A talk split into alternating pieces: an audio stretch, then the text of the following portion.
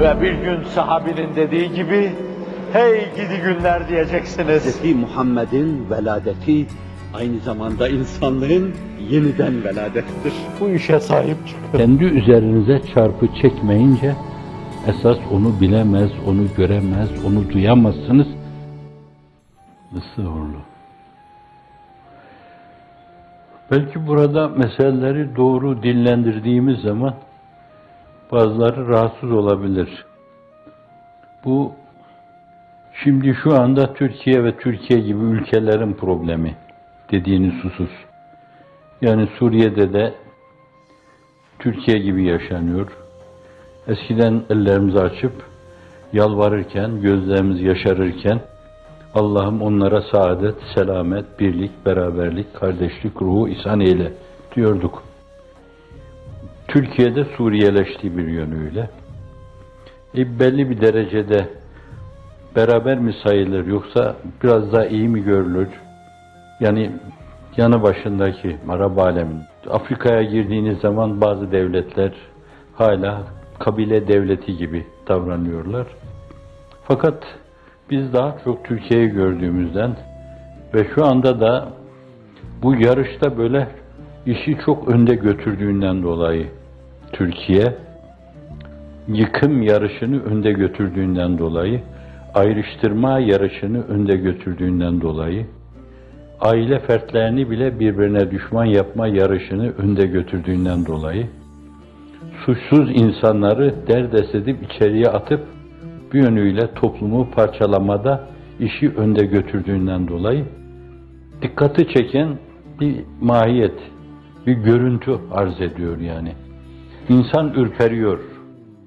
Değişik vesilelerle arz ettiğim gibi yani bir kilise haziresinde, bir havra haziresinde veya bir inkarı üluhiyet şeyi neyse atmosferinde neşet eden bir insan Müslümanlık adına böyle telkin etseniz Türkiye gez gözü arpacığıyla meseleye baktığı zaman vallahi seçesim gelmiyor der yani. Böyle bir Müslümanlığı seçesim gelmiyor. Müslümanlıktan daha çok efendim garazın, kinin, nefretin, hazımsızlığın, düşmanlığın, öfkenin, efendim parçalamanın bir yönüyle, efendim yırtmanın, dağıtmanın, gulyabaniler gibi insanları birbirinin üzerine salmanın, efendim ülkesi gibi bakacaklar. Bunun tercih edilen bir yanı yoktur falan diyecekler yani. Siz kendinizi öyle bir yerde, öyle bir hazirede farz edin. Sonra o hazirenin kültürüyle yetişmiş olarak yine kendinizi muhal farz, öyle farz edin. Sonra size desinler ki Müslümanlığı tercih edin. Ve siz Müslümanlığa bakarken Türkiye gibi, Suriye gibi yerler açısından baktığınız zaman efendim böylesi yerin dibine bassın dersiniz herhalde. Olacaksa yerin dibine bassın dersiniz. Genel manzara bu yani Türkiye'de. Anadolu, mübarek Anadolu analarla dolu bir ülkedir yani. Ve uzun zaman çok mübarek bir milletin işte küçük Asyası halinde devletler muvazenesinde muvazene unsuru olma misyonunu eda etmiştir.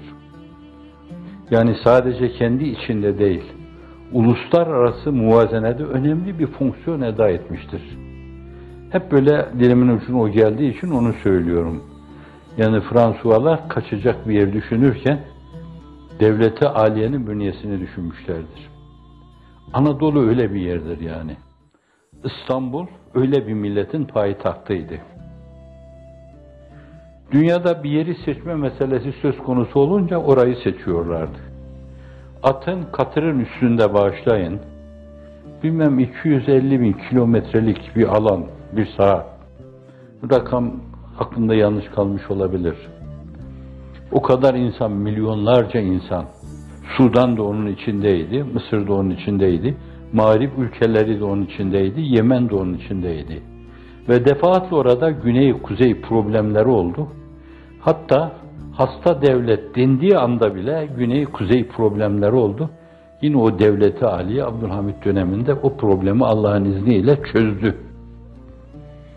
Şimdi çevre problemler yumağı halinde. Ve bir yönüyle biz de işte öyle bir o problemler sarmalı içindeyiz. Kendi ülkemizde öyle bir problemler sarmalı içinde. Böyle mübarek bir millet bence hak etmemişti sözüyle ifade ederiz çok defa. Bu defa böyle bu ölçüde böyle bir dejenerasyona, bir deformasyona maruz kalmayı hak etmemişti yani. Maalesef öyle bir şeye maruz kaldı. Ve problem yok diyorlar yani.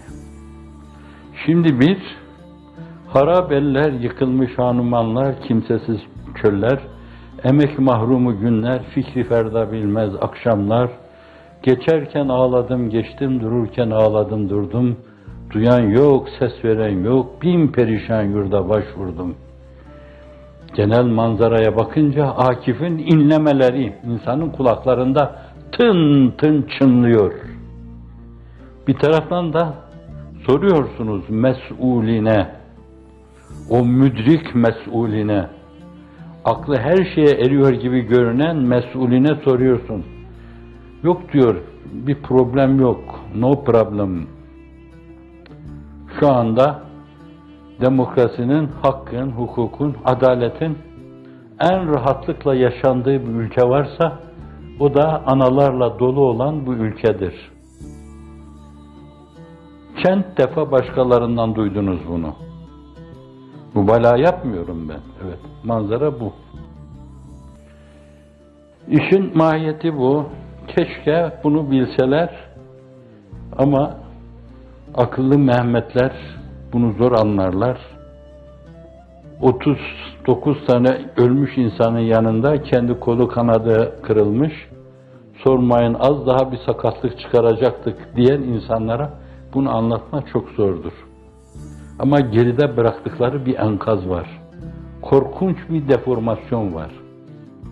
Haçlılar işgal ettikleri zaman da bir yönüyle çizgiler belliydi. Sen diyordun ki bunlar işte birisi Barbaros Frederick Barbaros, birisi Philip, birisi de Arslan Yürekli Richard, Richard. Evet bunların hepsi bir Pierre Martin'in ifaliyle yollara çıkmış serseriler. Hele biraz işimizi sıkıp sabredelim falan diyordunuz. İnanan insanlar arasında o bir ve beraber olma meselesi bozulmamıştı. Tam Mısır'a kadar gitmişlerdi. Orada da Selahaddin'e toslamışlardı. Belki ondan evvel Zengilerin hükümdarı Nureddin'e toslamışlardı. Selahaddin'in babası Nizameddin'i yetiştiren, amcası Şiriguh'u yetiştiren ve bir manada Selahaddin'i yetiştiren de oydu o zengi, yani edebiyat tarihinde de Sadi Şirazileri yetiştiren bir ülke zengi Türkleri. Bunlara toslamış, hep püskürtülmüşlerdi. Allah'ın izni inayetiyle püskürtülmüşlerdi.